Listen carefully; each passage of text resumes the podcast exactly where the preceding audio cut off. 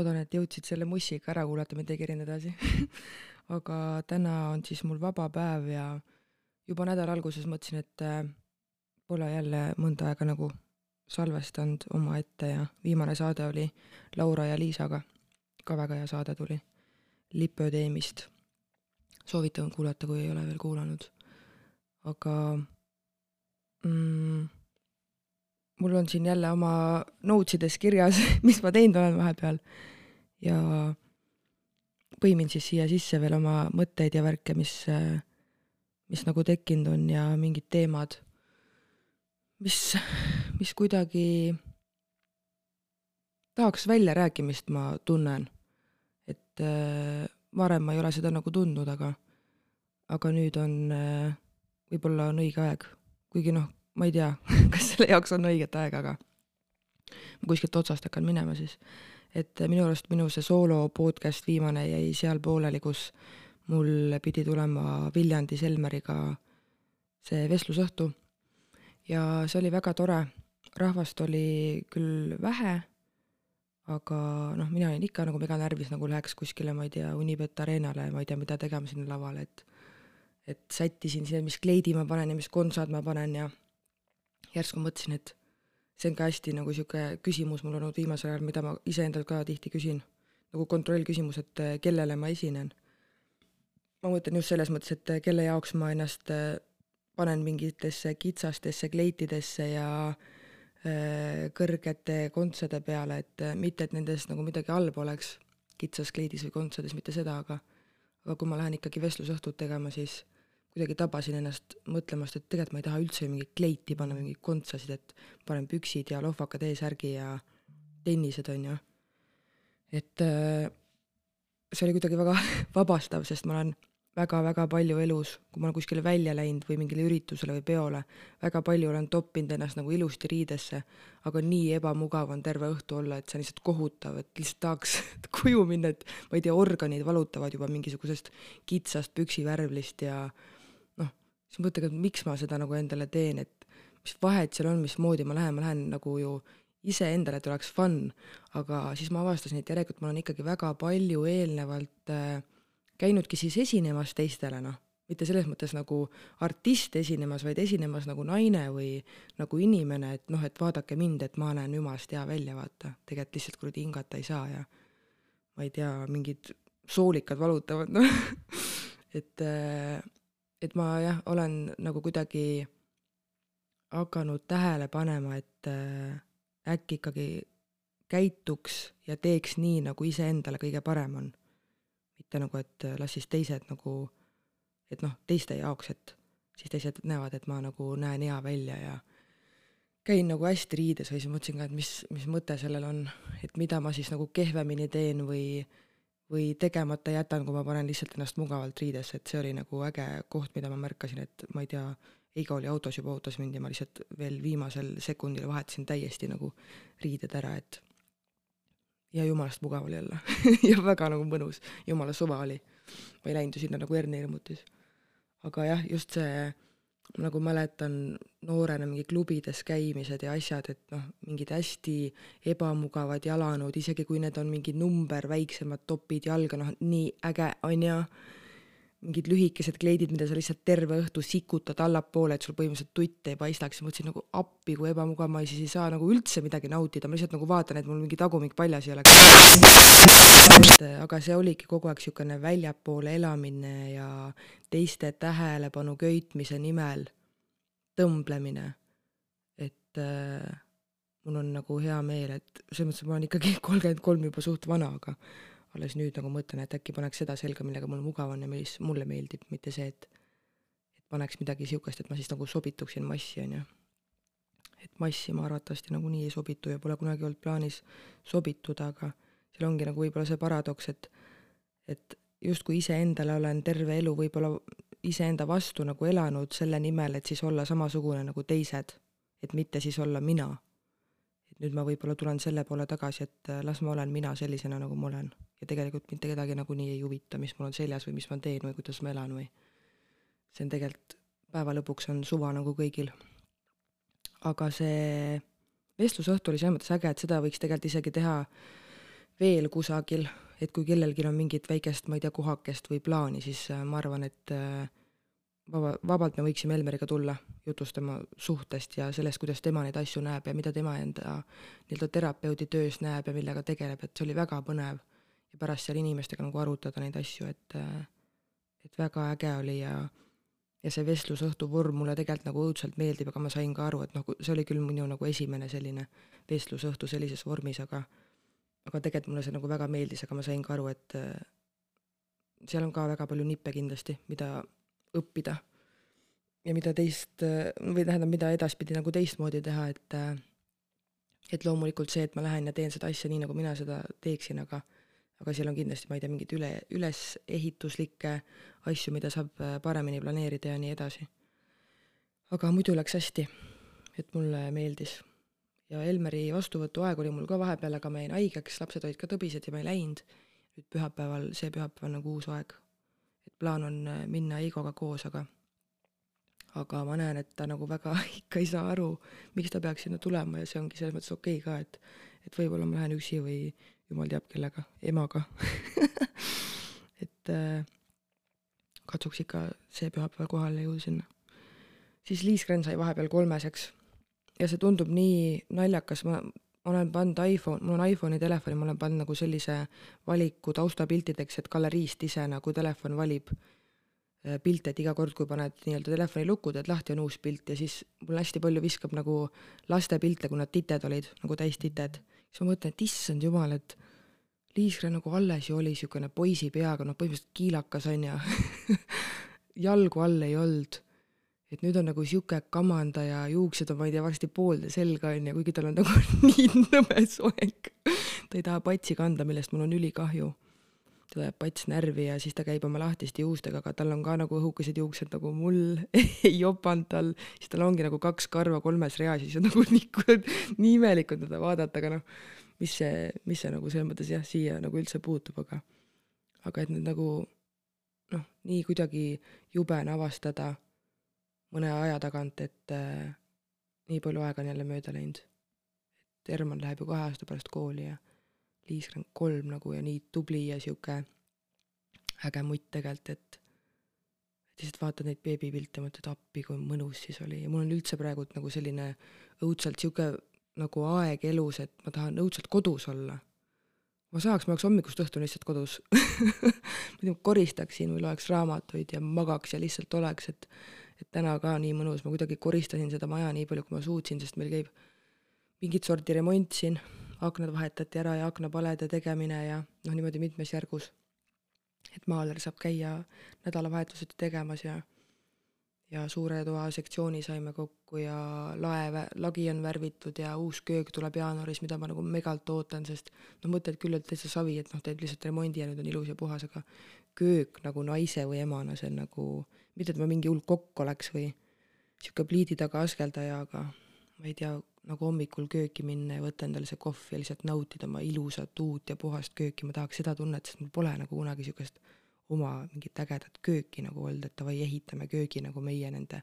köögimõõtude järgi, et see on, ma nagu hullult ootan seda ja siis ma arvan, et siis ma tahan veel rohkem kodus olla. Ja siis vaikselt mõtlen, äkki peaks kolmandat ite tegema, siis mõtlen Liisi tore on kodus olla küll, aga kas siis ka tore on, kui ta karjub kogu aeg ja ta ei maga ja noh, mul on nagunii nii palju neid traumasid all, all nagu kahe eelmise lapse beebieast, et äh, eks ennem peaks sinnakanti ka teraapiat võtma, et saada sellest üldse hirmust või nendest sundmõtetest justkui nagu lahti, et noh, nagunii jälle ta ei maga ja karjub ja siis ma olen siin täiega nagu närvis ja siis ma mõtlen, miks seda vaja oli ja palju lihtsam on nüüd tööl käia ja nii edasi, aga aga võib-olla see käibki nagu lainetena, et lähed, käid natuke aega tööl ja siis tuleb jälle see isu kodus olla ja mõtlesime, et noh, et oleks ju nagu äge, et kui Herman läheb kooli, et siis on nagu väike beebi, et et Hermanil oleks keegi kõrval, kui ta tuleb lõunal koolist, mõtlesin, kurat, aga kui sa iga, iga kooli mineva lapse pärast hakkad uut itte tegema, siis varsti on siin ju täielik lastekodu, noh. Et, et kuidas see Liiskren siis sinna kooli saab, kes siis temaga koju jääb või mis siis nagu sellest kolmandast saab, kes Hermanni kooli jaoks nii-öelda tehti, on ju, noh,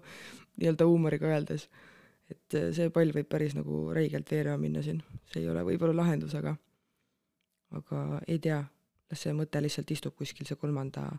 lapse mõte, et, et las ta siis olla praegu.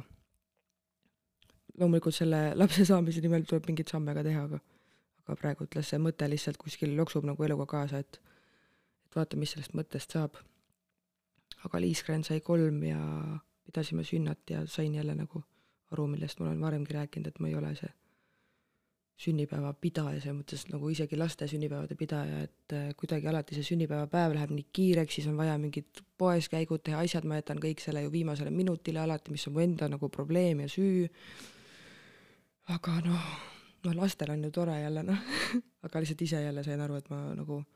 üldse ei tahaks, et oleks nagu pappi palju, siis et võtakski mingi ruumi ja tellikski nagu täis catering'i ja keegi võiks siis neid taldrikuid ja topse seal ka minu eest liigutada, et saaks ise nagu nautida, et et eks see laste sünnipäevade pidamine ongi EMS-idele niisugune täistööpäev, ma nii palju, kui ma aru saanud. ja siis ju panin nagu, hõikasin välja, et teeks tahumatu naisteka kiigel, aga suve lõpus juba sain aru, et selle õhksoojuspumbaga seal teisel korrusel on mingi kala, et äh, suvel ta enam seda külma ei puhunud, tuli sügis enam sooja ei puhunud. Ja siis äh, leidsin ühe kuti ammu tegelikult mul oli ta kontakt juba, ma oleks võinud talle suve lõpus juba helistada, aga helistasin alles nüüd äkki mingi kuu, kolm nädalat, neli nädalat tagasi. siis ta käis vaatamas seda, ütles, et noh, et ei taha küll teid pahandada, aga siin on vist see kõige kallim jupp on nagu läbi, mis nendel pumpadel üldse on. Ja nüüd ma, ma ei saanud teda üks päev kätte, et ma nagu vältisin talle helistamist pärast seda tema kõnet, sest ma ei tahtnud teada, palju see maksab. Et ma ei tea, mis see kallis on, kakssada või kaks tuhat, on ju aga ilma selle pumbata, noh, kaheksa kraadi sees istuda seal naistega ja rääkida mingit juttu, ma ei tea, sealt ei tule isegi enam siis sooja auru suust, vaid tuleb ainult külma auru. et äh, ma praegult täitsa mõtlen, kas detsembriski seda teha. et äh, jaa, allkorrusel saaks ka muidugi teha, oleks jumala fun, fun, et meil on seal ka üks tuba nagu tühjaks tõstetud, selle saaks ju ägedasti nagu ära kaunistada ja mingid pleedid sinna maha ja madratsid ja mingid tulukesed põlema, et väga vahva oleks, aga ma lihtsalt praegult vist panin äh, äkki seitsmenda detsembri lihtsalt sinna niimoodi random kuupäeva. aga ma ei tea, kas see kuupäev veab välja üldse, et võib-olla üldse lükkan jaanuarisse, et ma praegult mõtlen seda, ma ei tea. et kas jagub aega, sest noh, novembris vaatasin, novembri keskel, et ei ole midagi, detsember jumala tühi, aga see kuidagi täitub. ikka mingeid käimisi ja tegemisi ja perega jõulupildistamine ja sellepärast on ju vaja minna küüned korda teha ja soeng ja et äh, kuidagi ikka need õhtud lähevad mingeid plaane täis, et äh, idekas õhtu on see, kui ma lihtsalt tulen töölt koju ja ma ei pea kuskile minema. see, ma nagu naudin täiega, ma lihtsalt astun uksest sisse, panen hommikul selga, võtan oma kohvi ja lihtsalt olen ja täna on see kindlasti väga hea, kui ma tulen äh, õhtul koju tagasi, sest mul on toad korras. saangi äkki lihtsalt olla,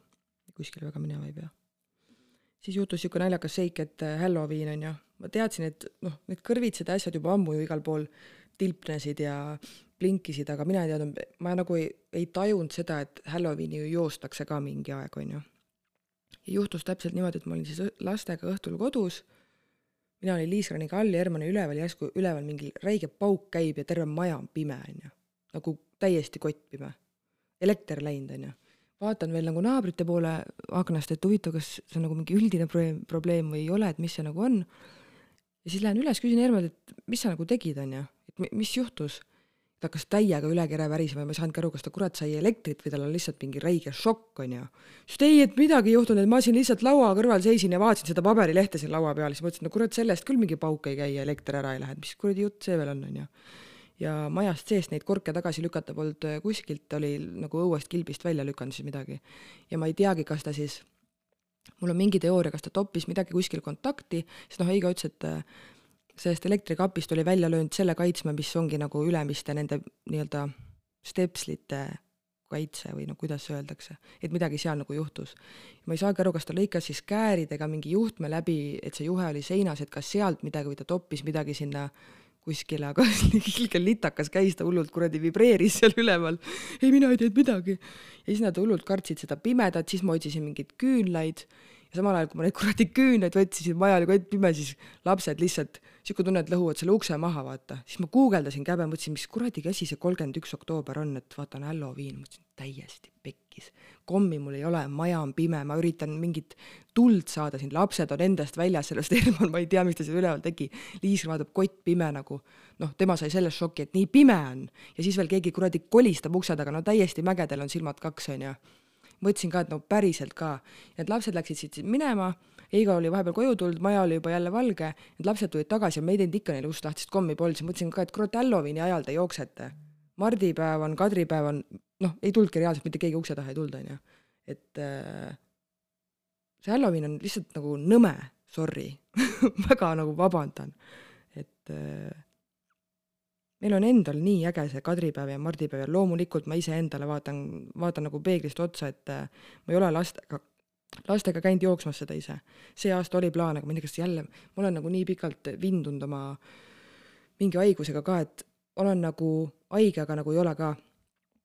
et äh, mõtlesime, et lähme siis ma olin see õhtu jälle nii väsinud ja ma ei viitsinud minna ja siis mõtlesin, mis kostüümid selga, värki, et ise justkui mõtlen, et Halloween on nõme, mida te jooksete seda. ja tegelikult ise nagu Kadri ja äh, Mardi peal välja ei lähe, on ju, et noh, ei ole ka nii-öelda aus mul niimoodi siin rääkida, aga aga jah, Kadri ja Mardi päeval ei koputanud keegi ukse peale, aga Halloweeni ajal pidi ta ukse maha lõhkuma. ja saad aru, nad koputavad, näevad, maja on pime, nad lähevad minema ka ju ikka nagu nad lõhuvad ja lõhuvad, lõhuvad et ütleks, minge minema, siin ei ole kedagi, siin ei ole elektrit, siin ei ole kommi et äh, jah, ma ei poolda seda lihtsalt, Halloweeni jooksmist, nõme, mingi USA püha. ma ei tea, lastel on kindlasti äge, aga ei, ei tea siis las siis olla praegu niimoodi. siis tuli see Laura, Laura-Liisa podcast, mis oli väga nagu äge teha, sest nii tore, et need naised nagu avasid ennast ja ausalt rääkisid nendest asjadest, et äh, kuidagi väga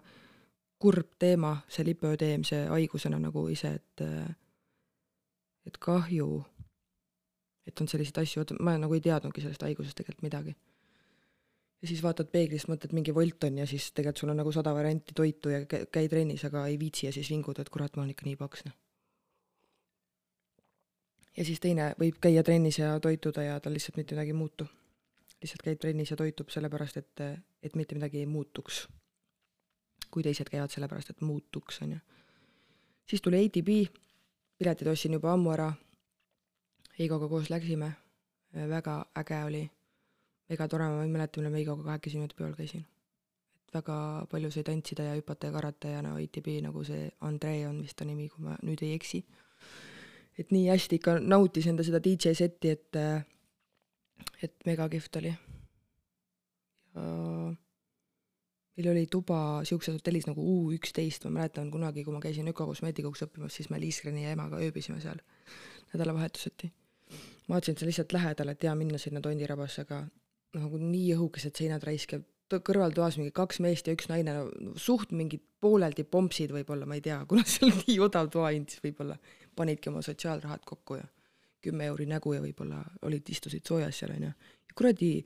õhtust hommikuni lihtsalt räägivad juttu, no mõtlesin ka, et millal see mingiks nagu andmiseks läheb, no üks naine, kaks meest, et noh, why not, onju. aga lihtsalt jutustavad kord rõdul, kord toas, siis noh, mõtlesin ka, et persse küll, nagu võtad selle nii-öelda vaba õhtu või selle ühe öö, et lähed nagu oled ära ja tuled tagasi nagu nägu veel rohkem loppis kui ennem, sest ei saa nagu puhata ja ei saa magada, onju. see on küll nagu lihtsalt puhas ving siin praegult ja vingungi tahan, tahan ja vingun. et äh, päris mitu korda niimoodi, et lähed nagu, vaata, see ongi täpselt see loll asi, et saad kodust välja, siis tahad sellesse üh-, ühte õhtusse nagu mahutada kõik asjad, käime restoranis, kinos, peol, noh, kõik, kõik asjad, on ju. ja siis tegelikult oled nii läbi, tuled järgmine päev koju, siis mõtled, et tuleks see lõunauneaeg juba, läheks lastega koos magama. et see on naljakas, aga no samas kogemus on äge, et Heidi Pilse käidud, et see, see oli nagu kihvt selle üle väga ei vingugi. aga siis tuli see IPRF-i teema, millest ma olen story sid ka teinud ja nüüd kolmteist detsember Pärnus on minu kolmas IPRF siis protseduur, näosüstimine. Et, et jah, läksin siis nii-öelda üldse tutvuma kliinikuga või, või oli mõte teha podcast'i millalgi selle kliiniku siis ühe nii-öelda selle, kuidas öeldakse siis, ei tea täpselt, kas ta on nüüd ainuomanik või osanik või ühesõnaga see Mari-Liis sealt, kellega, kellega ma siis kokku sain. ja kui ma esimest korda läksin sinna, siis põhimõtteliselt ta pani mind kohe sinna tooli ja ütles, kuule davai, teeme sulle midagi, onju, millega ma ei olnud üldse arvestanud. Ja siis äh, ma olin kuulnud küll seda, et võetakse enda veenist veri ja sellest tuleb mingi plasma, seda süstitakse, ma olin sellest nagu kuulnud, aga see oli mulle nagu nii kauge teema, sest ma ei olnud päris hästi süvenenud sellesse. kuigi see kortsu teema, ilusüstid, see nagu minu jaoks täna on see päris aktuaalne teema, sest no eriti veel sellises vormis, kui oma verest võetakse ja sinna midagi ei lisata ja süstitakse sulle tagasi, on ju. see tundub nagu looduslik, noh et äh, Botoxit ma arvatavasti poleks lasta endale süstida, et mul on mingi error sellega. Ja ma korra räägin siia Botoxist ühe nagu siukse võib-olla taipamise, võib-olla see on täiesti absurdselt vale, aga kuskil me sellest Botoxist rääkisime, ma ei tea, kas tegin mingi story, äkki seesama, kus ma rääkisin, et ma käisin IPRF-i tegemas, et seda Botoxit ma poleks lasknud teha. käisin üks päev äh, linnas trennis ja ma tulin just duši alt ja minu kapi kõrval oli üks äh, naine nagu enda kapi siis võtnud. Ja noh, imekena naine, perseni juuksed, äh, piht sama peenike kui mu reis, noh, no tõesti nagu ma vaatasin, mulle nagu meeldib neid ilusaid naisi vaadata. Teisalt ma ei ole juba aastaid saanud aru, mis värk nendel pilti ilusatel naistel on, kas või kui ma tanklas näiteks võtan kohvi, on ju. Lähen võtan hommikul kohvi tanklast ja tuleb noh, mingi noh, viimane mersu, mis üldse on, salongist välja sõitnud, kasukas seljas, no nägu peas, nii ilus naine. ja no sihuke kuradi mõrrapilk on ees, saad aru, mitte ükski lihas näos ei liigu. sihuke tunne, et lihtsalt tõmmake kõik siit eest ära, mina tulin praegu kohvi võtma, tõmmake nahhu siit eest. sihukese nagu olekuga tulevad ja ma olen neid juba aastaid nagu vaadanud, et äh, noh, mul on nagu selles mõttes võib-olla naljakas seda arutada, et kuna mina mina ei ole sellisest klassist naine ja ma arvatavasti, see ei ole mu eesmärk sinna ka jõuda ja ma kunagi sinna ei jõua, aga aga mis värk nende piltilusate naistega on, miks neil on nii kuri nägu alati, niisugune tunne, et sa saad tappa nende käest kohe, kui nad tulevad sulle kallale või nad ütlevad sulle midagi. Nad on nagu nii nina püsti, nii kõrgid, samas ma nagu mõtlen, sa oled piltilus, sul on nii äge auto perse all, arvatavasti on mingi äge mees, ma ei tea, oma firmad, pappi on, noh, see on see, mida ma lihtsalt, mul hakkab mingi film jooksma, kui ma neid inimesi nagu vaatan. et, et miks see nii hapu nägu peas on, noh, ja seesama seal äh, jõusaali nagu riietusruumis see naine ka, ta oli nii ilus, ta arvatavasti teab, et ta on kõige ilusam naine üldse siin klubis, kui mitte üldse Mustamäel, on ju. ja siis ma nagu tulin sinna enda kappi, noh, kuradi full naked on ju, tahaks riidesse panna, mida ma siin oma voltidega liputan, teisel on piht nagu mu reis on ju. tahaks ruttu nagu kinni katta ennast ja siis ma vaatasin nagu ta nägu kõrvalt, noh, huuled kindlasti süstitud, sellest saad ju nagu aru, on ju. aga siis ma vaatasin seda nägu ja noh, mina ei tea, see on lihtsalt minu mingisugune mõttekäik, ma lihtsalt nagu räägin valjult, mida ma enda peas mõtlen, et äh, üks naine minu Facebookis selle Botoxi story peale lihtsalt kirjutas, et, et ta käis kusagil koosviibimisel ja seal tuli juttu Botoxist ja seal tuli justkui selline mõttekäik siis esile, et, et tegelikult see Botox justkui, kuna ta halvab need näolihased ja see miimika kannatab selle all, siis äh, kuidas ma nüüd seletan seda niimoodi, et ma saaks ise ka aru, et äh, inimsuhted juba kannatavad selle all, sellepärast et teine inimene ei loe su näost välja midagi, sest su nägu lihtsalt ei liigu saad aru, kui haige see on või? siis ma mõtlesin nagu tagasi selle jõusaali tšiki peale, kes seal oli, et äkki tal on samamoodi, et äkki ta on tegelikult hästi tore inimene, aga tal lihtsalt näos ükski lihas ei liigu ja ta ei saa võib-olla naeratada või ta ei saa nagu neid lahkeid silmi teha. aga igatahes ta vehkis seal ja laamendas ja lõhkus nagu mega pissed off onju, siis ma mõtlesin ka, et kurat, sa näed, et siin on taba ees, mida sa paned mu kõrvale siis oma kappi, kui kitsas on onju. et äh, ma olen väga pikki aastaid pannud tähele, et need piltilusad naised, keda no sa tead, kas mees või naine, oled jääd suu ammuli nagu vahtima, nad on alati nii kurjade nägudega kuidagi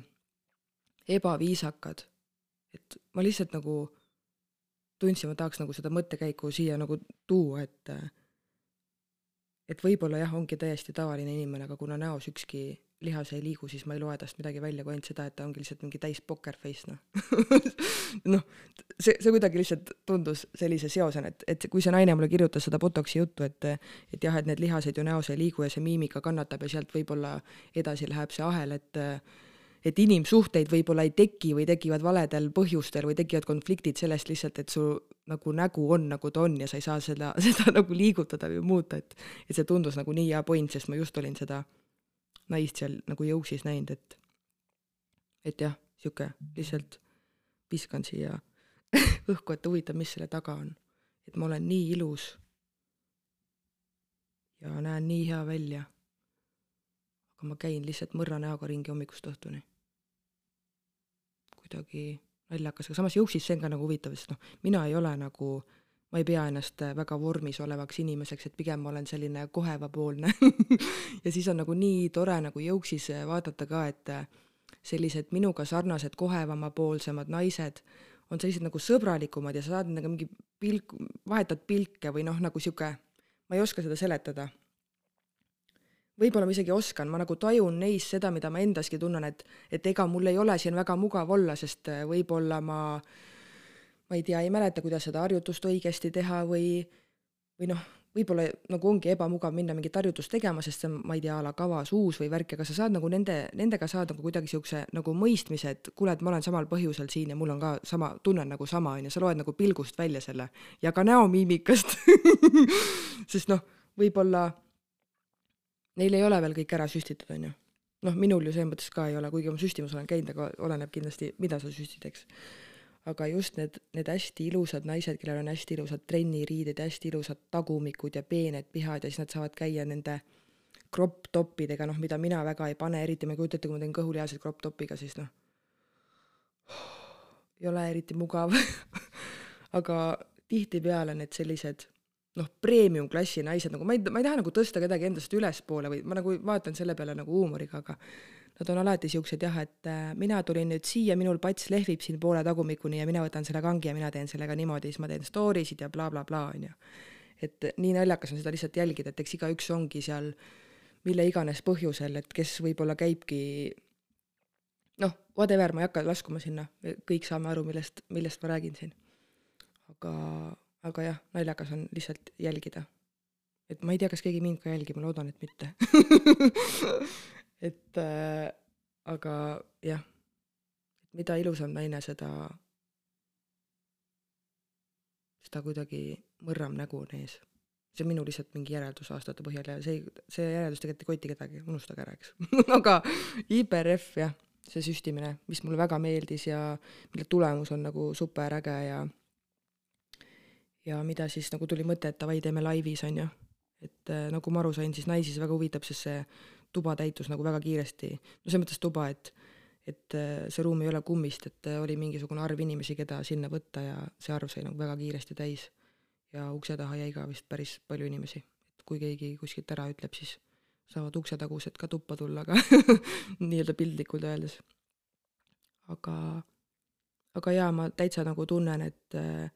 ma ei tea, kas see tuleb vanusega või millega, aga selline enda eest hoolitsemise võib-olla veits teine klass ilusüstid või sellised mingid protseduurid, mis ei ole niisama mingi punni pigistamine, vaid on midagi muud, et, et need nagu kuidagi kõnetavad täna. ja see IPRF on noh, idekas, kuna seal ei ole mingit jura sees, ainult äh, nii, nii kvaliteetne, kui on minu veri, nii kvaliteetne on see plasma. et mida tervislikum toit ja mida vähem alkoholi, seda parema asja saad sealt masinast kätte, mida hakatakse sulle tagasi süstima, et et mina soovitan kindlasti naistele proovida.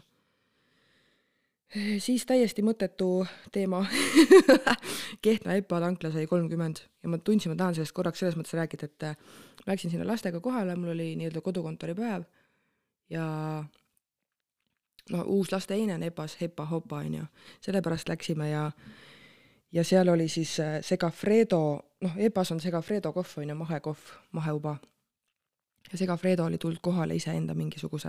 ma ei tea, kas barista siis, kuidas öeldakse, noh, see oli küll kutt, aga kes seal kohvi tegi, aga niisugune käpamasin. ja see masin vist maksab viisteist tonni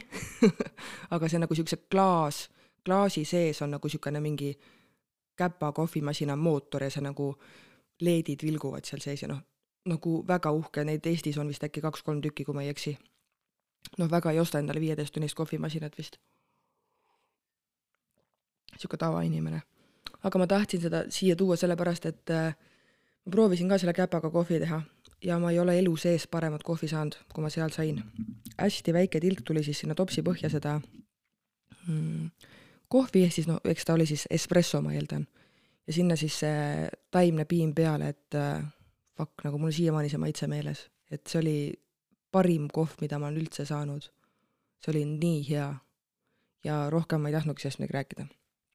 kuna ma niisugune kohvifänn olen, siis tahtsin ära mainida selle. ja nagu ma aru saan, siis elu on mind päris palju viinud viimasel ajal Pärnusse. Pärnus ma käisin, üks nädalavahetus käisime Mäeküla piimameest vaatamas Eigo ja sõpradega, siis nüüd käisin äh, enda sõbrannadega Endlas vaatamas äh, Norman Vallutajat, siis IBRF, äh, see üritus tuleb Pärnus Pärnu on mul niisugune, praegu on Pärnuga mingi teema. aga Pärnusse Mäeküla piimamees, väga äge oli ja väga naljakas oli. ja noh, teater üldse ma ikkagi alati, kui ma sinna jõuan, kuigi ma ei käi tihti teatris, mõtlen, et ikka nagu kui äge kunsti tegemise vorm, et äh, noh, see on ikka nii ehe ja äge, mis seal teatris toimub, et kes mul keelaks näiteks lihtsalt püsti tõusta, joosta lavale ja ma ei tea, tagumikku paljaks tõmmata, onju, et noh, seal, seal on tuhat võimalust, mis võiks nagu juhtuda ja kuidas seda nagu kõike saaks ära käkkida. ma selles mõttes alati mõtlen niisuguseid lollakaid mõtteid. aga see austus inimeste nagu selle teatri vastu, kõik ei lähe sinna, ma ei tea, liputama, on ju, või ei karju midagi vahele või ei loobi midagi lavale, on ju. ja see nagu töö, mis näitlejad teevad, mis seal taga on, kõik need päheõpitud tekstid ja kõik see, et see on lihtsalt nii imetlusväärne minu arust, et teater on nii kihvt koht, kus käia. ja siis ma käisingi kaks nädalat järjest ja mm, nüüd naistega käisin seda Norman Vallutajat vaatamas ja see oli see oli nii, nii, nii naljakas, et noh, kes mind ju teab, see ju teab mu seda naeru ja ja ma kuidagi avastasin ennast mõttelt, et kolm viimast korda nüüd, kui ma olen käinud äh, teatris, Paides oli see audients Võigemasti ja Kalmetiga, nüüd see Mäeküla piimamees, mis oli ka omaette nagu naljakas ja Norman Vallutaja, mis oli kõige naljakam asi üldse elus, mida ma olen näinud. siis need kolm korda, kui ma olen nagu tundnud ennast vabalt ja nagu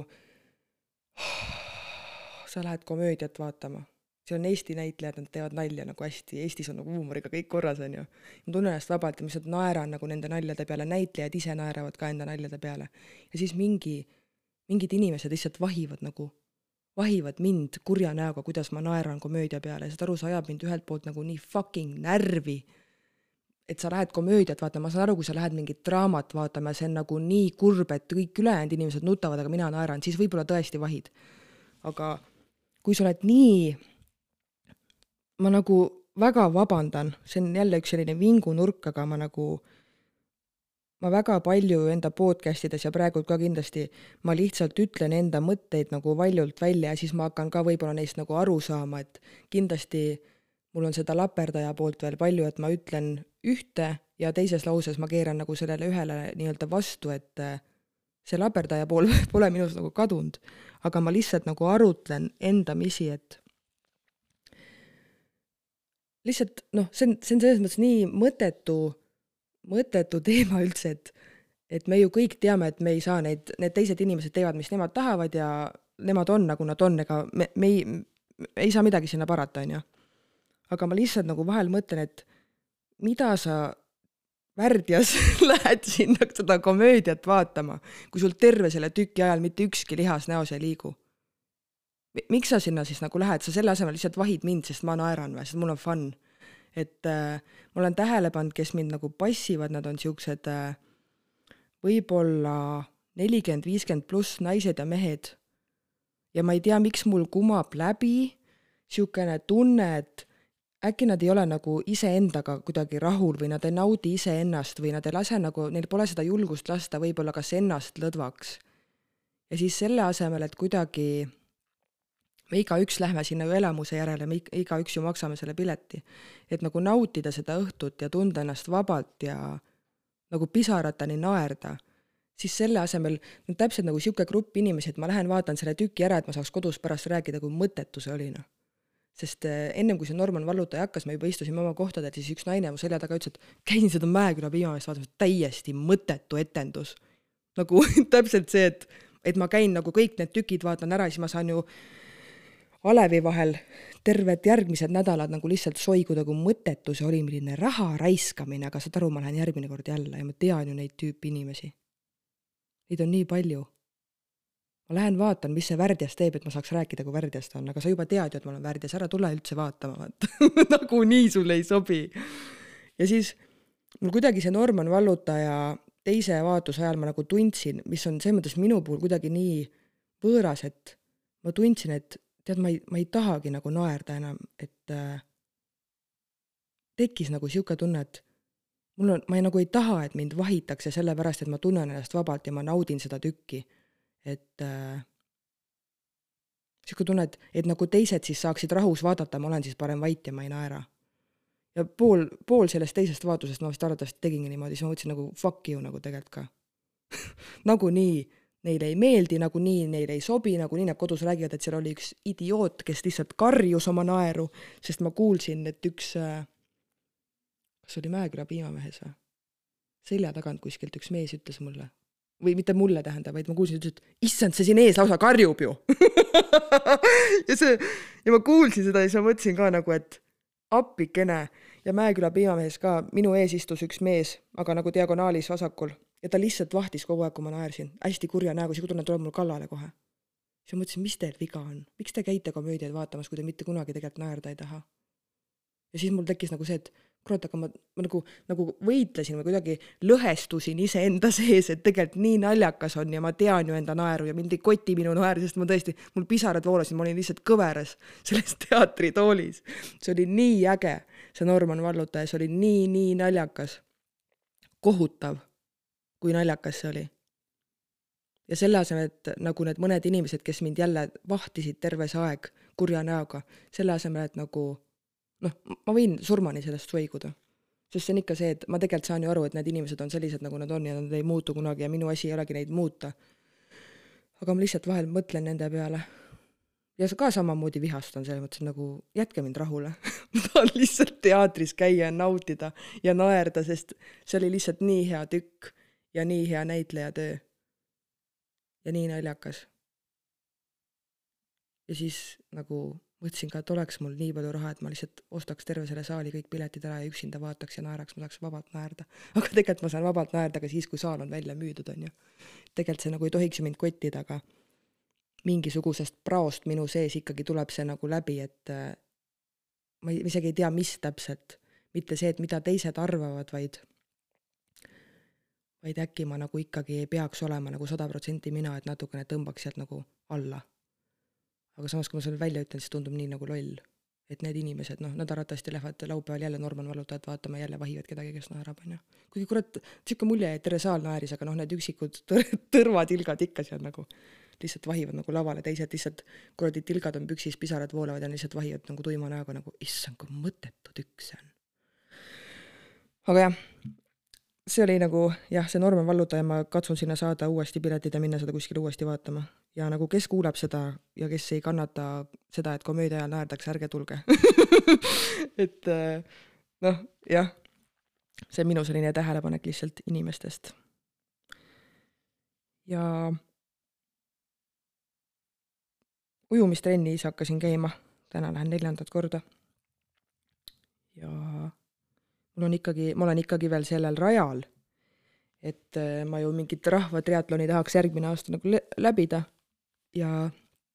seda ei saa väga teha, kui ujuda ei oska, on ju, sest ma olen terve elu nagu arvanud, et vesi mulle meeldib, ujuda ma oskan, ma võin isegi pea vee alla panna, on ju, pole probleemi, aga kui sa lähed ujumistrenni ja sa pead õppima krooli ja konna ujuma, siis ma sain aru, et ma olen terve elu seda kõike valesti teinud, tegelikult ma läksingi õppima krooli, just seda hingamise poolt, et millal ma hingan ja kus see käsi läheb ja pea ja kuidas see käib. et see on päris keeruline, ma peaks ütlema, see ei ole lihtne, sest ma olen terve ülejäänud elu oma arust nii tuusad nagu krooliuju, nii et pea on vee peal, vaata, siis on kael ja kõik on kange, siis käed käivad nagu mingisugused kanakoivad kõrval, on ju. et noh, päris inetu võib-olla. aga just see, et kui sa oled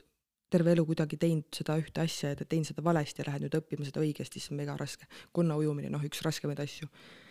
Mina ei libise, minul libisemist ei tule, jalatõuge on nõrk ja siis mul on siuke tunne, et ma upun ära lihtsalt kogu aeg. Sest hoogu ei ole, vee peal ma ei seisa. Et aga noh, see on täpselt niisugune asi, et see ei tulegi muud moodi, kui sa lihtsalt käid seal basseinis ja sa lähed jälle ja sa lähed jälle ja sa käid, kuni sa lihtsalt ei mõtle enam, mis liigutust sa pead tegema, sa lihtsalt lähed ujud, sest praegult läheb nii palju energiat lihtsalt selle peale, et ma mõtlen, millal ma hingan, millal ma selle käe sealt võtan, kuhu ma selle panen, et nii palju asju, mille peale mõelda ja lõpuks on kuradi suu vett täis ja vesi läheb kurku ja häda, kui palju on ju. aga ujumistrenn on väga äge, et see on üks ägedamaid trenne üldse, ma arvan, kuhu ma olen sattunud elus ja mulle väga meeldib, et ma ootan ujumistrenni. kindlasti no ennast tundes sealt võib tulla mingi vastulöök, et noh, et ma juba oskan ja siis ma nagu täna võib-olla ei lähe ja täna ma ei jõua ja täna ma ei saa ja et see, see uss on mul alati nagu kusagil tagumikus, mis hakkab mul ka vaidlema aga ma ikka katsun tugevam olla üle sellest ussist. ja mis veel, avastasin niisuguse koha nagu Kallaste hobitalu, ma tean, et väga paljud tuttavad, nii palju kui ma olen näinud sotsiaalmeedias, nagu käivad oma lastega seal ja värki, aga Liiskrani rühmakaaslasel oli sünnipäev seal. see esimene niisugune päris krõbe külm oli läksime sinna kohale, ma just mõtlen, et tõmban oma maani, ma talvejope selga, vaatan lukk puruks, mõtlesin, kurat, ma lähen jälle nagu ilmparakas sinna. aga ellu ma jäin ja väga selles mõttes, miks ma sellest räägin, väga mõnus koht on selle Väetalu lähedal tegelikult, Kristine kandis seal. et äh, nii äge oli. Nii ägedad loomad ja lastel on nii tore seal ja mingi mängumaja ja liivakast ja hästi kihvt, et isegi tekkis mõte, et äh, enda laste sünnipäevasid pidada edaspidi seal suvel ja sügisel ja nüüd see nädala alguses käisin mm, ühe Triinu juures massaažis. Triinuga ma sain tuttavaks Ügo kosmeetiku seal nii-öelda kursusel ja ta, just küsisin ka ta käest, et kuidas see, et kui sa tulid sinna ökokosmeetikuks õppima, kas sa teadsid juba siis, et sa lähed nagu massaaži edasi õppima, ta ütles, et ei, et see massaaž teda üldse ei kottinud, aga kui ta hakkas tegema, siis ta tundis, et see on täiega tema teema. ja väga mõnus massaaž oli. Kes tahab kontakti või minna, siis nagu väga soovitan, et Pärnu maanteel Tallinnas ta teeb, ta teeb kuskil veel, kus ta elab, kas see oli, oh, ei tule meelde, Lääne-Virumaa või appi, ma ei tea, kuskil, kus ta elab, seal ta teeb ka, aga ühesõnaga võite vabalt küsida kontakti, et mulle just meeldis, et ta tegi massaaži ajal niisuguseid liigutusi, mida pole nagu varem tehtud. mingid mudimistehnikad, niisugused teist, teistsugused, mis mulle meeldis ja see muss, mida ta lasi, ta saatis mulle selle listi kaasa, mind väga kõnetas see muusika. see niisugune natukene nagu teistmoodi. seda ma kuulasin täna ka siin, kui ma koristasin. et väga, väga mõnus jälle, et äh, mul oli nagu nii hea meel, et ma jälle leidsin selle aja iseendale, et jah, ma jõudsin küll hiljem koju ja siis on alati süümekad, et noh, kurat jälle, tulen jälle hiljem ja blablabla bla, bla, aga aga noh, eriti kogu selle trenni tegemise juures minu see turja lahti mudimine on nagu top üks asi, millega tegeleda, et eriti ujumisel ka, et mul läheb turi nii kinni ja siis mul on noh, peavalud ja kaelavalud ja sada häda, et äh, tegelikult peaks hakkama kas või leppima mingi massööriga kokku siin Paides, et käia kas või pool tundi iga nädal. Ainult nagu seda turja lahti mudimas, et ma tavaliselt lähen viimasel, viimasel minutil, siis kui on nii hilja juba, et paned pea padja peale, aga pea ei lähe vastu patja justkui, sest nagu sa oled kivikõva, on ju. et äh, et massaaž on mõnus, eriti just niisugune sügisene või niisugune talvine aeg minu arust on eriti, et äh, sellised tubased tegevused ja enda laadimine enda eest hoolitsemine, et see on täiega niisugune minu nagu teema, et minu jaoks on see enda eest hoolitsemine kas või see, et ma tulengi õhtul koju ja ma lihtsalt olen ja ma ei rapsi ja ma ei tee midagi ja mul on telefon väljas ja ma ei näpi seda ja noh, ma olen väga palju hakanud nagu õhtuti mitte telefoni näppima tulen koju ja päeval olen saanud need asjad ära aetud ja rohkem seda ei näpi, et kuidagi täiesti suva. keegi mind õnneks õhtuti ei taha ka, nii et selles mõttes midagi tegemata ei jää, aga aga mille, mis on niisugune ebamugav teema, millest ma soovisin äh, rääkida? no see on nõme jah nõme on sellest võib-olla rääkida. samas ei ole ka et ma ei, ma ei teagi, mul, mul ei ole seda seisukohta praegult nagu võetud, kas see on nõme, kas see on õige, kas see on vajalik, vajalik see mulle on kindlasti, seda ma nagu tunnen. aga just äh, teemaks on nagu see piiride kehtestamine võib-olla, mis on nii räigelt tulnud nagu sügisel kuidagi nähtavaks, popisõnaga öeldud. et äh, lihtsalt tunne sees on nii suur et lihtsalt ei saa niimoodi enam, et et ei saa lasta nagu endaga käituda enam nii, nagu teised arvavad, et nad tahavad. ei oska seda võib-olla hästi seletada ja võib-olla see jutt siin kõlab ka väga segaselt, aga ma iseenda jaoks ka jälle nagu muugin seda teemat lahti, et mm, ma olen kuidagi jah, igalt poolt saanud praegult seda, seda nii-öelda proovile panekut just nende piiride kehtestamise osas, et äh, igast ilmakaarest kas see on siis, ma ei tea, paari suhtes, lähisugulased,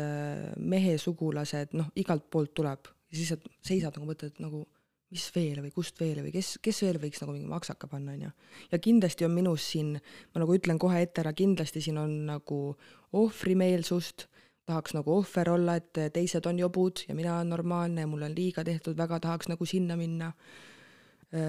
väga hästi saan aru, et mina teisi inimesi ei muuda.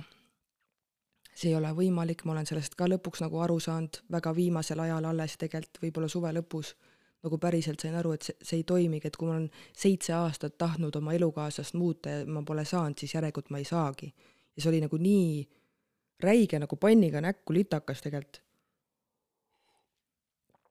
sest äh, kui me nagu lähme suhtesse, siis naine tahab, et mees muutuks, aga mees tahab, et naine ei muutuks, on ju, tegelikult läheb vastupidi, naised muutuvad ja mehed ei muutu noh, nii-öelda laias laastus öeldes. aga äh, mõtlen, kust ma üldse alustan seda. Ma nagu nii hästi saan aru, miks mul on see ebamugavus sellest rääkida, sest äh, ma olen ikkagi kasvanud ju, kasvanud sellises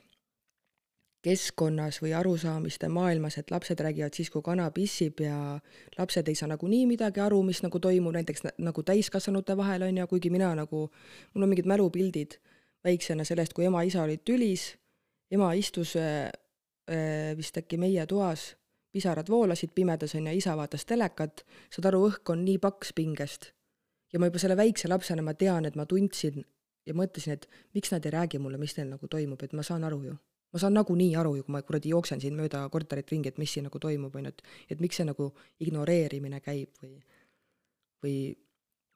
et miks arvatakse, et lapsed ei saa aru, ma arvan, et lapsed saavad enne meid aru, et meil on mingi perse majas. sest noh, ma räägin, neil on ju tunded püsti, on ju. Aga aga sellepärast ongi mul seda nii raske ja ebamugav teha, aga ma tunnen, et ma pean seda tegema, sest äh, ma teadsin juba aasta alguses, et, et äh, need piirid tuleb kuidagi sättida Need tuleb kannaga maha tõmmata, need piirid, sest lihtsalt ei saa enam edasi niimoodi. ja ma ei tea, millest see tuleb, et edasi niimoodi ei saa, kui kolmkümmend kolm aastat on saanud, miks siis täna enam ei saa, on ju. aga asi puudutab just, äh, just nagu lähisugulasi ja peret, et et see teema jälle, et kui, kui mulle midagi öeldakse, siis see inimene, kes mulle ütleb, tema ju, kuidas ma ütlen, ma ju mõistan seda, et tema näebki seda elu ja seda maailma läbi oma silmade. et ongi kõik perses, kõik on idioodid, ilm on sitt, toit on kallis, no ainult on üks häda, on ju. ma saan aru, kust see tuleb, miks see on, lihtsalt äh, vaata, mina saan nagu aru sellest, eks aga kui minus on see julgus vastata samaga, siis minust ei saa keegi aru. ja seal hakkavadki mul mingid nagu käärid täiega tekkima, et äh, mul on nagu üks lähisugulane ma arvan, et äh, elus ei ole mitte ühtegi inimest, kes oleks mind nii palju nagu mõnitanud, kas läbi lillede või otse või nii palju kritiseerinud ja nii palju mulle sitasti öelnud, kui see lähisugulane, et mul on nagu väga palju mingeid lauseid meeles. ja noh, sealt kindlasti tuleb nüüd see ohvrimeelsus, et mul on liiga tehtud ja blablabla bla, bla, aga las siis ollagi, et, et oli nagu aegu, kus ma mõtlesin, et noh, et vaimsed inimesed äh, on sellised inimesed, kellele kõik inimesed meeldivad, kes saavad kõigist aru, kes kõiki mõistavad, täna ma nagu tunnen, et noh, üldse ei kõneta, minu asi ei ole kedagi nagu selles mõttes, tegelikult minu asi ei ole kedagi mõista, sest siis ma automaatselt ju vastutan selle inimese nii-öelda tunnete eest, see ei ole tegelikult minu asi. eriti veel, kui minu tunnetest on kõigil minu meelest suva, on ju. Nendel inimestel, kes siis nagu mind kotivad, eks. ja ma nagu annan endale ka aru, et kindlasti on inimesi siin Eestis, kes tahaks samamoodi teha podcast'i sellest, kuidas Liisi on nendele, ma ei tea, haiget teinud, sitasti öelnud, noh, kõik see, et noh, nendel müntidel on alati kaks poolt, mina lihtsalt räägin täna enda poolest. ja see ongi nagu kogu lugu, et ma ei, ma ei paranda siin maailma, ma ei, ma ei muuda inimesi, nende käitumist, nende arvamust, mitte midagi. lihtsalt tahan rääkida lõpuks nagu enda, kuidas ma ütlen, enda mõtetest, noh. et äh, ma ei valeta, ma olen aus, ma räägin nii, nagu mina seda näen, ma ei mõtle neid asju välja, et miks siis mina ei või. kui need inimesed, kes nagu mind pasaga üle valavad, nemad arvavad, et nad teevad õigesti ja nad tahavad mulle head võib-olla, ma ei tea, on ju. ma siis võib-olla noh, käitun ka nii, nagu ma tahan, võtan selle õiguse endale et ma siis olen ka selline, nagu ma olen, on ju. sest nemad on ju sellised, nagu nad on ja nii jääbki. et noh, miks mina siis ei või, eks aga üks see konkreetne lähedane inimene, kes, kes on nagu alati selline väga käre nagu hukka mõistma ja teiste elusid elama, et äh, ma mäletan, kui ma jätsin Vesiroosi kooli nii-öelda pooleli kümnendas klassis, ma ei lõpetanud seda ära, sest mul olid reaalained ka, et ma olen sellest kindlasti varem ka rääkinud. ja ma läksin õhtukasse ja seda ei usu ka vist tänaseni ükski inimene, et see oli sellepärast, et isal oli tekkinud mingisugune kõrvalsuhe ja minu jaoks oli nagu kuidagi sihuke, see oli kuidagi nii nõme, sest justkui ma teadsin juba ammu, et emal-isal on tuksis see suhe, aga aga et päriselt nagu on keegi teine, et kuidas siit nagu edasi minna ja kuidagi see ma sain nagu kuidagi reedetud vanemate poolt, ma ei oska seda praegu seletada, noh, ma lihtsalt räägingi nii, nii palju, kui ma oskan rääkida sellest. aga, aga ma mäletan, kui ma siis õhtukasse läksin, ühesõnaga jah, mul jäi see kool pooleli, sest mul oli kuidagi tähelepanu ajunud, kindlasti oli seal gramm ka seda, et ma ei viitsinud õppida, on ju, sest ma sain juba väga varakult aru, et see koolisüsteem on täiesti mõttetu, kõik on ühe pulgaga löödud, et noh, mind ei huvitanudki see mõtlesin ka, et mul ei ole mingit kuradi ma ei tea, mille valemit vaja tulevikus, see on nii mõttetu aja raiskamine asi lihtsalt. et kindlasti oli selle osa ka seda, aga kindlasti kuidagi ma olin distracted nagu selle perekonna ja isikliku elu nagu teemadest, on ju. ja mäletan, läksin õhtukasse, mäletan, ma kõndisin Raplas, eh, see oli vist, kurat, see oli ikka, soe aeg oli, ma ei tea, kas see oli siis suve algus või suve lõpp, siis kui ma hakkasin sinna õhtukasse minema, ma arvan, et suve algus. ja Raplas vana SEB maja ees kõndisin ja ta helistas mulle. ütles, et noh, et õhtukasse lähed või ütlesin jaa, et noh, paberi ma saan seal lõpus sama, on ju. ei no aga siis sa oled ju terve la-, Rapla madrats. siis mõtlesin, mis kuradi seos on sellel kuhu õhtukasse minekul nagu sellega, kelle ees ma nagu jalgu argitan või kuidas see nagu, ma ei saanud sellest aru ja siis sealt nagu hakkas kild killu haaval tilkuma. Pluss varem veel oli see, et, et kui ma väiksem tatt olin, siis ma küla vahel väga palju mängisingi poistega nagu. ma tean, tüdrukud olid kadedad selle peale, aga ma olin tatt, mul ei olnud nendega mingisuguseid äh, intiimsuhteid, ma ei pannud tatti kellegagi, kaotasin süütu sellest kuueteistaastaselt, on ju et äh, et jah, ma liikusin väga palju poistega ringi, aga ma ei teinud kunagi nagu ulakusi või lollusi, et äh, ma ei tarbinud alkoholi nendega koos, ma ei teinud suitsu nendega koos, ma lihtsalt olin nagu suvel õues nagu normaalne laps, on ju. ja ma tahtsin olla hiljaõues, sest suveõhtud olid nii mõnusad ja soojad ja ägedad ja siis oli nii äge kuskil pingi peal lihtsalt küla vahel tiksuda ja rääkida juttu ja see oli nii kihvt, aga alati nagu ta tuli ja kuidagi alandas mind terve seltskonna ees ja kamandas mind lihtsalt räusates nagu tuppa ja ma ei tea, see oli nagu kuidagi nii nõme, et noh, need, need on need nagu niisugused väiksed pildid, mis mul on jäänud nagu meelde, millal ma tundsin, et mind nagu mõnitati või alandati. ja ma mäletan, et kui ma Eigoga hakkasin sebima, siis ta ütles, et noh, et Eigo käib ülikoolis, et sa pead ju ka nüüd kooli minema, et umbes sa oled loll muidu ta kõrval, vaata et noh, ma nagu lihtsalt, ma olin nii kimbatuses ja nende, nendel hetkedel ma ei öelnud mitte midagi vastu, sest ma ei tea, mis seal nagu oli. minus ei tekkinudki, kui ma praegult mõtlen, nendel, nendes hetkedes minus ei tekkinudki nagu seda vastupanu, vaid ma lihtsalt olingi niimoodi, et mulle võib öelda mida iganes, mina lihtsalt nagu, ma kõnnin edasi, et noh, ühest kõrvast sisse, teisest välja, samas ei ole ühest kõrvast sisse, teisest välja, kui mul on kolmkümmend kolm ja ma tahan täna nendest alles rääkida, noh. täna ma alles julgen enda suu teha lahti ja rääkida sellest. Samal ajal tuletan ennast meelde, et kindlasti on inimesi, kellele ka mina olen teinud haiget, keda ma olen alandanud, eriti meesterahvad, eriti mu paarisuhted eelnevad ja praegune ka, on ju. et, et ma ei, ma ei räägi, et mina nüüd istun kuskil kõrgel mäe otsas ja mina teen kõike õigesti, mina olen kõige puhtam ja teised on jobud, on ju, et ma, ma nagu väga kuidagi tahan seda rõhutada, et ma näen nagu enda osa ka, aga ma ei näe enda osa, enda osa ma ei näe nüüd nendes suhetes, millest ma praegult räägin siin neid, kus minu suunas on tulnud siis kriitika ja alandus ja mõnitamine. vot nendes kohtades ma enda osa ei näe, sest ma ei ole mitte kunagi läinud esimesena kelle, kellelegi nii-öelda kõri kallale. Never. ja siiani ma olen lihtsalt nagu olnud vait ja nagu mõelda, et ah, nad ei muutu, las nad siis ütlevad, äkki neil hakkab sellest parem, aga vaata, kuna seda tõrva on nii kaua tilkunud lapsepõlvest saadik, siis lihtsalt noh, ma räägin, mul on kurk kolm aast- või kolm aastat kolm kuud kurk valutab ja sa nagu noh, kurk on need ütlemata sõnad või mis iganes, noh, mina nagu seostan sellega. ja praegu tunnen, kurguvalu läheb nagu ludinal üle, onju. et, et lihtsalt keha annab märku, et palun laadi nagu see maha, see koht. ja ma nagu siiamaani tegelikult ju saan aru, isegi kui ma seda räägin praegult, et ikka ma nagu kuidagi, kuidas ma ütlen, vastutan selle teise eest või ma nagu, ma ei suuda lõpuni, üritan seda nüüd seletada endale ka. kui keegi teeb mulle haiget, siis ma alati nagu tahan kuidagi ennast,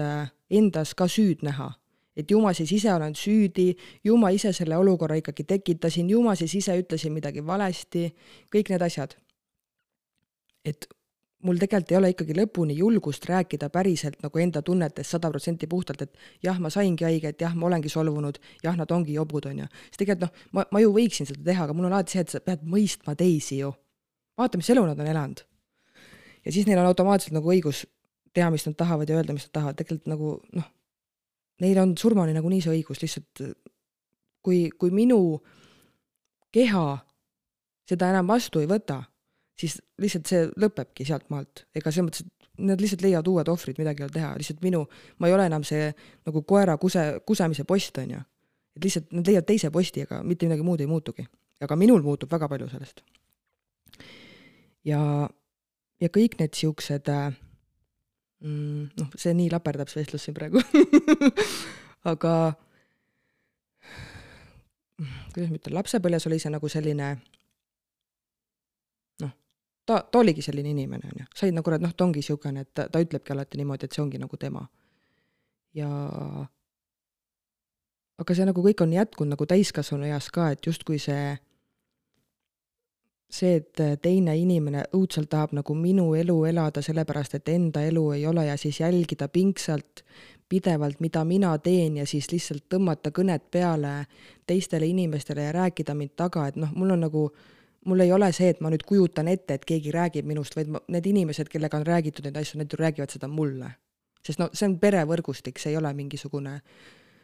perses sõbrannade punt või midagi niisugust, kus lihtsalt lekib kogu aeg midagi, see ei ole nagu see vaid et, et just see, mul lihtsalt nagu viskas üle see suhtumine, et tegelikult ju ega keegi ei tea ju, millega mina enda sees võitlen ja milline minu argipäev on ja kõik see, et et see, kuidas tuleb see nagu hukkamõist ja see minu elus sonkimine ja arvamine, et keegi teab sellest paremini kui mina ja selline noh, täielik minu ruumi tungimine ilma et ma oleks mingi loa andnud või ilma, et see, et ma sellest midagi üldse teaks, et et vaatad, elu on jumala chill ja siis tuleb mingi litakas, et jaa, kuule, et äh, ta helistas, et äh, rääkis sinust seda, teist ja kolmandat, et äh, et tegeled siin mingi uhuu asjadega, et võiksid vähem sellega tegeleda ja võiksid üldse vähem nagu enda nagu graafikus äh, mingite asjadega tegeleda ja võib-olla peaksid tegelikult üldse kuskile kooli õppima minema ja samal ajal nagu ütleb, et äh, ma tegelen nii paljude asjadega, et peaks vähemaga tegelema ja siis ma peaksin veel kooli minema, et äh, mul lihtsalt tekib nagu niisugune trots sisse, et keda peaks kottima üldse peale minu, kui palju ma midagi teen, mida ma teen, mida ma peaksin tegema. samal ajal, kui sa inimene oled iseendaga nii pahuksis perses seda osa ei näe nagu. aga mind on nagu hea kottida, vaata. ja eriti veel mitte minuga otse, minuga otse nagu megaviisakas, alati tore, kuidas läheb, nii äge ja siis lihtsalt kuuled nagu kahe minuti pärast, et kuule, ta tõmbas täiega taga sind, on ju. et lihtsalt see lõpeb ära siin ja kohe ja praegu. et ma, see nagu teeb mind isegi vihaseks praegult, et äh, pereliige, ma, ma nagu ei saa sellest aru ja loomulikult, äh, mida vanemaks ma sain, seda rohkem minus hakkas see nii-öelda vastupanu ja trots nagu selles mõttes nii-öelda kerkima, et äh, kui mulle öeldi sitasti, siis ma panin kohe vastu, aga automaatselt läks see, kes alustas ohvri rolli ja mina olin jälle paha, sest noh, minuga ei saa ju rääkida midagi ja minul on kogu aeg sitt tuju ja blablabla bla, bla, aga miks see sitt tuju tekkis, ei tea. lihtsalt astun uksest sisse, sitt tuju, on ju. no ei ole tegelikult päris asjad niimoodi, ma ei lähe, ma ei läinud äh, aastaid tagasi ma ei läinud kunagi nagu selle inimesega samale territooriumile nagu paha tujuga. Aga nüüd viimased aastad juba lihtsalt, kuna see energia üldse ei klapi ja ma ei soovi viibida koos ja kui nagu tekib olukord, kus tuleb viibida koos, siis mul ongi juba noh, täiesti noh, täiesti teine inimene tuleb minu seest välja, sest mul on automaatselt nagu see kaitsepositsioon, samas midagi nagu öelda ei julge, lihtsalt kuidagi üritad niimoodi vaikselt äh, mööda laveerida, et saaks nagu sellest olukorrast nüüd välja ja saab see päev läbi ja kõik on nagu tehtud, on ju. et endiselt, kui ma seda praegu räägin, on kuidagi niisugune tunne, et äkki ma teen haiget, aga mind nagu, kõlab nii ülbelt, aga mind, mind enam tõesti ei huvita. et ma olen lapsest saadik saanud hagu alla. mitte millegi eest. sellepärast, et äh, üks täiskasvanud inimene on iseenda eluga lihtsalt nii pahuksis ja ta ei taha vaadata neid enda probleeme ja enda jama ja seda, mida ta ise on enda kandikule loonud ja toonud, et siis on lihtsam lihtsalt see kandiku täis paska võtta ja suruda kellelegi krae vahele, aga mina ei ole enam see krae ja ongi kõik. see on siis nii-öelda üks üks persoon, on ju, kellega ma tunnen, noh, nad, nad kõik koondusid sellel sügisel nagu kokku ja ma saangi nagu sellest aru, et see ei ole see, et ühe inimesega mul on piirid ja teise inimesega ei ole, sest see ei ole enam inimestest lähtuv, vaid see on minust lähtuv, mina nüüd tean, kus minu piirid on. Ja lihtsalt tulebki seista nende piiride eest ja sealt ei tohi lasta üle mingisuguseid kaabakaid. ja siis äh, nagu äh, mehe lä-, lähisugulased, see lähisugulane või lähisugulased, tegelikult neid on mitu et ma, ma ei räägi siin ühest inimesest ja siis panen terve maailma raskuse tema õlule, vaid neid, neid ongi palju, on ju. noh, selle, selles mõttes palju, et pere kohta justkui palju. et isegi üks on palju juba. aga samamoodi nagu mehe poole pealt, et noh, ma kujutan ette, et vahet ei ole, kes oleks minu mehe kõrval, nagunii ta oleks hambus sellel inimesel, sest lihtsalt jälle klassika inimene on iseenda eluga nii pahuks, siis ta ei meeldi iseendale, ta ei meeldi, mis elu, talle ei meeldi, mis elu ta elab, talle ei meeldi, mis tööd ta teeb, talle ei meeldi ta kaaslane. ja siis ei meeldi mina ka veel. ja siis see nagu nii suur probleem. et siis minu mehele helistatakse ja öeldakse, et äh, kuule, et see Liisi kirjutas seal blogis jälle midagi, et äh, ma tahan temaga kohe rääkida sellest, et äh, niimoodi esiteks ei kirjutata ja niimoodi ei elata ka. ja siis ma nagu nagu tundsin jälle seda, mul tuleb ikkagi nagu viha ülesse. et mida ma olen teinud sellele inimesele või nendele inimestele, mida ma olen teile füüsiliselt teinud, et te, et te nagu võtate selle õiguse tulla minule ütlema, kuidas peaks elama, kuigi ma teen, ma ei saa öelda, et ma iga päev teen, aga ma teen väga palju päevi nädalas endast väga palju et elada parimat elu, mida ma saan elada. sest mina näen nagu seda elu hoopis teistes toonides, mul on nii palju võimalusi. ma võin töötada, kus ma tahan, ma võin, äh, ma ei tea, ma võin teha, mida ma tahan. selles mõttes, et äh, ma ei ole selles kohas, et ma läksin nüüd sinna kuskile töökohta tööle ja sinna ma nüüd suren. Kuigi ma vihkan neid ülemusi, neid inimesi, kes seal töötavad, kõik on idioodid ja värdjad, aga ma pean seal ju käima, sest ma ei näe seda võimalikkust, et tegelikult ma ei pea vaata, nendel inimestel on see ühin-, ühiseid nimetajaid on hästi palju. et noh, mina, mina näen nagu ainult neid võimalusi, mida ma saan teha teisiti ja endale nagu paremini. et äh, noh, samamoodi nagu ma täna tegelen sellega, et ma ei pea saama läbi nende inimestega, kellele ma ei meeldi. Mulle ei pea meeldima need inimesed, kellele mina ei meeldi. aga ma olen alati elanud niimoodi, et ma ju mõistan neid, nad on sellised, nagu nad on neil on samamoodi ju õigus ennast väljendada, nagu ka mina praegult väljendan. aga tegelikult nad ei pea mulle meeldima, ma kujutan ette, et isegi kui mu ema või isa oleks nagu jobud minu vastu, mind taga rääkivad, toksilised, siis tegelikult ma ei peaks nendega nagu, ma ei peaks säilitama nendega häid suhteid sellepärast, et nad on mu vanemad. Nad on lihtsalt teinud mulle selle võimaluse tulla siia maailma ja sealt nagu tegelikult nende justkui kuskilt maalt lõpeb nende vastutus selles mõttes ära, et jah, see laps on üles kasvatatud, ta on suur inimene, ta läheb nüüd ellu ja ta hakkab oma pere looma, oma elu elama, ma lihtsalt, nad on lihtsalt kanaliks, et mina saaksin tulla siia. mitte ma ei ole nagi, kuhu riputada ennast surmani. sest aga ta on ju ikkagi minu laps ja aga ta on ikkagi ju minu vanem. ei huvita et nagu lahti ühendada vanemad lastest, eriti kui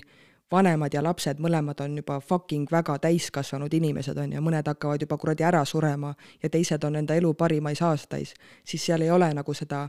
jah, seal jääb alati see lapse ja vanema nagu hierarhia või ma ei oska öelda, ma tahan mingit tarka sõna siia öelda, on ju ma ei oska seda nagu niimoodi kirjeldada, jah, jah, see nagu mudel jääb, et on, on, on ema ja isa ja on laps või lapsed, on ju, aga seda, et keegi nabanööri pidi kellegi taga nagu lohiseb, see, see on vanemate vastutus ära lõpetada, sest vastutus tuleb alati ülevalt poolt allapoole. lapsed ei vastuta, aga lapsed, see minu põlvkonna lapsed, kes on täna siis kolmkümmend ja sinnakanti, nemad on need, kes on läinud nagu vastutama siis enda vanemate eest mille pärast me olemegi omadega nii pahuksis ja mille pärast me tahamegi muuta seda, et meie lapsed ei kasvaks samas vaibis ja mille pärast me jäämegi kõigil nendele vanakooli inimestel nagu jalgu ja noh, seda välja öeldes ma saangi aru, see ei muutu ju kunagi. see jääbki niimoodi surmani, on ju. ja sellest ei olegi midagi. aga ma lihtsalt mõtlen, et kui, kui kõikidel inimestel on sõnavabadus, siis on minul ka, lihtsalt ma ei ole seda äh, väga võib-olla kõige õigematel nagu alustel kasutanud varem. et ma olen jah, räusanud, karjunud, karjunud, mölisenud, lihtsalt tühja, sest mul on ka selle taga mingi tähelepanuvajadus, armastuse puudus, see selleks, aga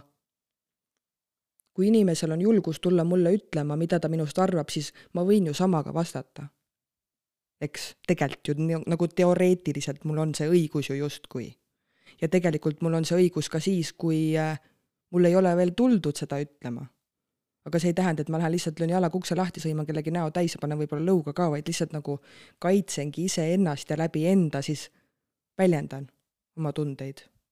mis mulle ei sobi, mis mulle sobib, mida ma enam ei soovi, on ju. ja, ja selles mõttes on nagu, minus on endiselt veel mingisugune osa seda, kuidas ma nüüd ütlen mingi osa on juba nagu sihuke patsutab õlale, et jess, Liisi, sa tegid otsa lahti, on ju. et äh, me ei pea tolereerima neid inimesi, kes meid ei tolereeri. samal ajal nad on pere. et mina ei ole inimene, kes lõikab äh, ülejäänud pereliikmete suhted läbi nende inimestega, eks. et neil, igal minu pereliikmel on nende, minu siis nagu päritolu pereliikmetega oma vitsad võib-olla saada, mis ei tähenda seda, et äh, ma lasen enda lapsi võib-olla samamoodi mõnitada mm ja alandada. nagu minuga on tehtud mitte seda, aga ma ei saa ka minna ütlema, et näed, see inimene on äh, toksiline, ära temaga palun suhtle, see on nõme, on ju. samamoodi, ma ei tea, a la näide, et äh, lihtsalt niisugune labane näide USA filmist, et oletame, et äh, mul on kutt, ma olen kutist lahku ja siis mu sõbranna tahab seda kutti, siis mul justkui ei ole nagu õigust minna ütlema, et kurat, see kutt on ikka jumala jobu, vaata ära selle otsa küll koperda. vaid lihtsalt see on sinu kogemus, see on sinu äh, ma ei tea, õppimise koht, sinu tundmaõppimise koht ja sina võib-olla näed seda asja hoopis teistmoodi, et ma ei saa teise inimese õppetundi ära võtta. ja samamoodi on nagu jah, sellega, et ikkagi Liisiga on vaja rääkida. et niimoodi ei elata, siis äh, minuga ei ole mitte keegi siiamaani tulnud rääkima. ei ole mulle keegi helistanud, oleme ju koos olnud ühes seltskonnas, ei tulda minust sellega rääkima ja ma tean, miks, julgust pole jah, ka minul ei ole julgust võtta neid teemasid ülesse ühes seltskonnas viibides, sest mul on mega ärevus siis sees, noh, küüned kõik väljapoole. et millal see pauk tuleb, aga seda ei tule, sest seda julgust ei ole, sellepärast et saad aru, kuidas ma sulle ütlen, kui mina olen varas, oletame, ja ma tean ka, et teine inimene on varas, siis me ei saa kuidagi teineteise peale kittuma minna, sest me oleme mõlemad nagu justkui sama mustad, on ju. et kui temale ei meeldi, kuidas mina elan, tegelikult minule ka ei meeldi, kuidas tema elab. noh, täiesti nagu minu väärtushinnangutega täiesti mööda. aga ma nagu annan ka endale aru, et see ei ole minu asi minna nüüd ütlema, et kuule, jumalast kuradi haige vend oled ju. jumal nõmedalt elad ju, niimoodi küll ei käituta. sest see ei ole nagu minu asi. jah, see, see ei pruugi mulle meeldida ja praegu ma nagu mõtlen, et võib-olla, võib-olla nad mõtlevad samamoodi, et noh minu arust see Liisiga elab jumala mööda, vaata. aga kuidagi selle, selle nende väljendamise, eneseväljendamise taga ma tajun sellist nende endi rahulolematust iseendaga. et mul on nii nõme elu, ma pole osanud paremaid valikuid teha, nüüd ei hakka neid enam ammugi tegema ja siis lihtsalt võtame kellegi, kes meile närvidele käib, aga võib-olla on seal ka kadedus ma olen lihtsalt mõelnud, et äh, just see, et minul on võimalus elada nii, nagu mina tahan. aga neil seda võib-olla ei olnud ja nad ei adu ka seda, et praegult neil on tegelikult ju võimalus teha, mida nad tahavad. aga nad on nii nagu klapid peas, et äh, nii nagu ma siia ilma sündisin, niimoodi ma ka suren. aga minul ei ole nagu niimoodi, ma, ma saan kõike teha vastupidi, kui ma tahan, sellele, mis on kunagi olnud. et midagi ei pea ju. Ja siis ongi nagu kuidagi kuidagi ebamugav justkui olla kogu selle jama äh, nii-öelda keskmes, sest see enda piiride kehtestamine on mulle uus asi. selle väljaütlemine nendele, nendele inimestele otse on noh, kindlasti veel raskem, kuigi noh, ma tean, et ma pean enda ja enda pere eest seisma, on ju, keegi teine seda ei tee ja mina ei lase nagu enda lapsi näiteks niimoodi tampida kuskile mudasse, et lihtsalt ütlen, mis tahan ja suva, on ju et äh, ma tekitan, ma arvan, enda lastele piisavalt ise traumasid, et, et nendega tegeleda, et, et neid ei ole nagu juurde vaja. et, äh, et need kõige rahulolematumad inimesed, kellel on enda sees nii palju jama klaarida, need on nagu nii õelad ja nii kadedad ja nii vastikud nende vastu, kes tahavad teha teistmoodi, kui nemad tegid. Ja sellepärast mul ongi nagu error, et äh, ma tahan enda lastele teistsugust elu, kui oli minul või kui oli, ma ei tea, minu vanematel. ja selle peale vaadatakse viltu, sest tegelikult ma ju südamest tean, minu kavatsused on alati head. kavatsus hoolitseda iseenda eest paremini, et olla parem vanem ja et olla parem kaaslane oma mehele, siis kuidas kurat sa saad sealt välja lugeda, et ma elan valesti või nii ei elata ja seda ei tehta ja niimoodi ei kirjutata. Mismoodi? see tundub lihtsalt nii hale ja labane ja eriti veel selles mõttes, et sa oled nagu pereliige. mis sul viga on et minu territooriumile tulla mind laimama, peab ikka eriti ülbe olema. ja see ülbus tuleb nagu siit ära pühkida, sest äh, ma ei, ma ei, ma ei soovi, et minu kodu oleks nagu sõjatander ja ma ei soovi ka, et minu hing või minu süda või minu keha oleks nagu sõjatander kogu aeg nagu valmis võitlema, vaid lihtsalt ma tunnen, ma pean selle sõja nagu kuidagi maha pidama, kuigi see ei ole nagu sõda, sest ma ei lähe mingi kilpide ja mõõkadega seda asja lahendama, vaid lihtsalt nagu sees on raske. täpselt samamoodi nagu seal ujumistrennis on raske, kui ma olen oma arust jumalast hästi konna ujunud ja ma olen aru saanud, et ma ei ole tegelikult üldse konna ujunud ja sa hakkad õppima konna ujuma, siis see on nii raske ja ebamugav ja ma tahaks niimoodi, et ma ei peaks seda ujuma, kas ma võin midagi muud ujuda, kas ma võin selili ujuda. et ma jumala eest ei peaks tegema seda, aga ma ei arene muidu, kui ma ei õpi seda konna õigesti ujuma. noh, loll näide, aga saab üle kanda sellesse samasse olukorda, et, et need asjad ei muutu ennem, kui ma annan signaali, et niimoodi ei sobi enam. vabandage. las ma elan oma elu nii, nagu mina tahan, eriti kui ma ei tee sellega kellelegi tegelikult liiga. ma ei soovi mitte kellelegi halba, minus ei ole seda pahatahtlikkust. et noh, sa oled ikka eriline jobu, ma loodan, et ma ei tea, sinuga juhtub midagi halba või, või nagu saad oma vitsad või mind ei huvita see, aga lihtsalt ma nagu, mind huvitab see, et, et mina tuleksin sellest nüüd kestast välja ja ütleksin, et vabandage. terve elu ma olen saanud ette ja taha ja täna, täna on see päev, kus see nagu lõpeb ära. mina ei vääri niisugust mõnitust ja ongi kõik. et äh, ja, ja ega see, see ei kotigi kedagi teist peale minu ainult minul ongi need nagu tunded ja emotsioonid. et äh, minul on raske nüüd nii-öelda astuda sellelt rajalt kõrvale. sest ma lihtsalt ei tule selle ebamugavustundega enda sees toime enam, ma ei taha seda tunnet kogeda, ma ei taha seda ärevust, kui ma tean, et keegi tuleb või ma kusagile lähen, kus nad on, ma ei, ma ei taha enam, mul süda paha sellest. et äh, et kuidagi jah, sihuke, siuksed mõtted, noh et äh, ja ma nagu ka arutasin selle üle, et kas see on mu ego, kes nagu tahab rind kummis minna, et äh, saad aru, minuga ei räägita niimoodi. kas see on see või see on see, et äh, ma ei soovi oma ellu enam seda paska energiat. aitäh.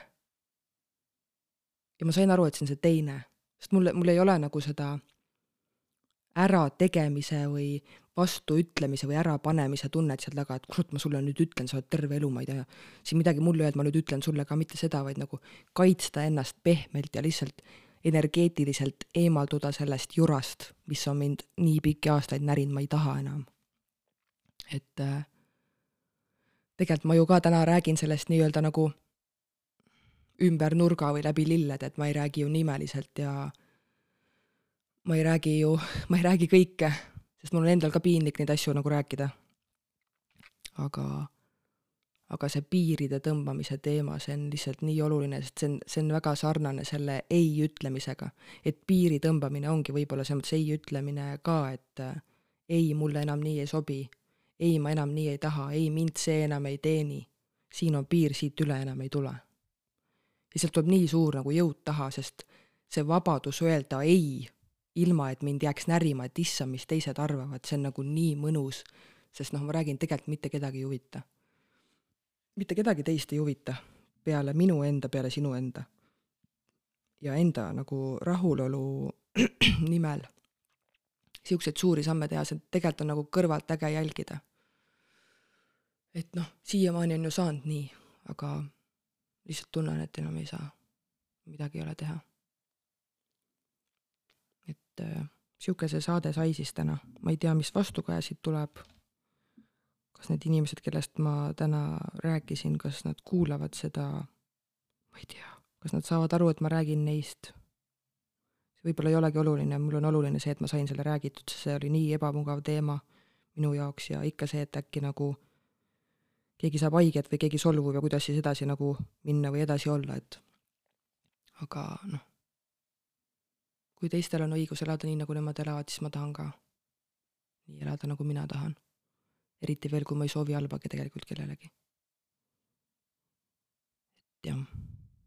aga ma ei tea, ma loodan, et see aasta siis kas näeme Kiigel, mida ma annan nüüd siis märku, ma natukene veel seedin seda mõtet. ja vaatan, palju see pumbajupp siis maksab ja millal selle saaks vahetatud, aga võib-olla näeme detsembris, võib-olla näeme jaanuaris, aga ma kindlasti sooviksin veel tulla siia näiteks mingit aastalõpusaadet tegema. kuigi noh, see on ka niisugune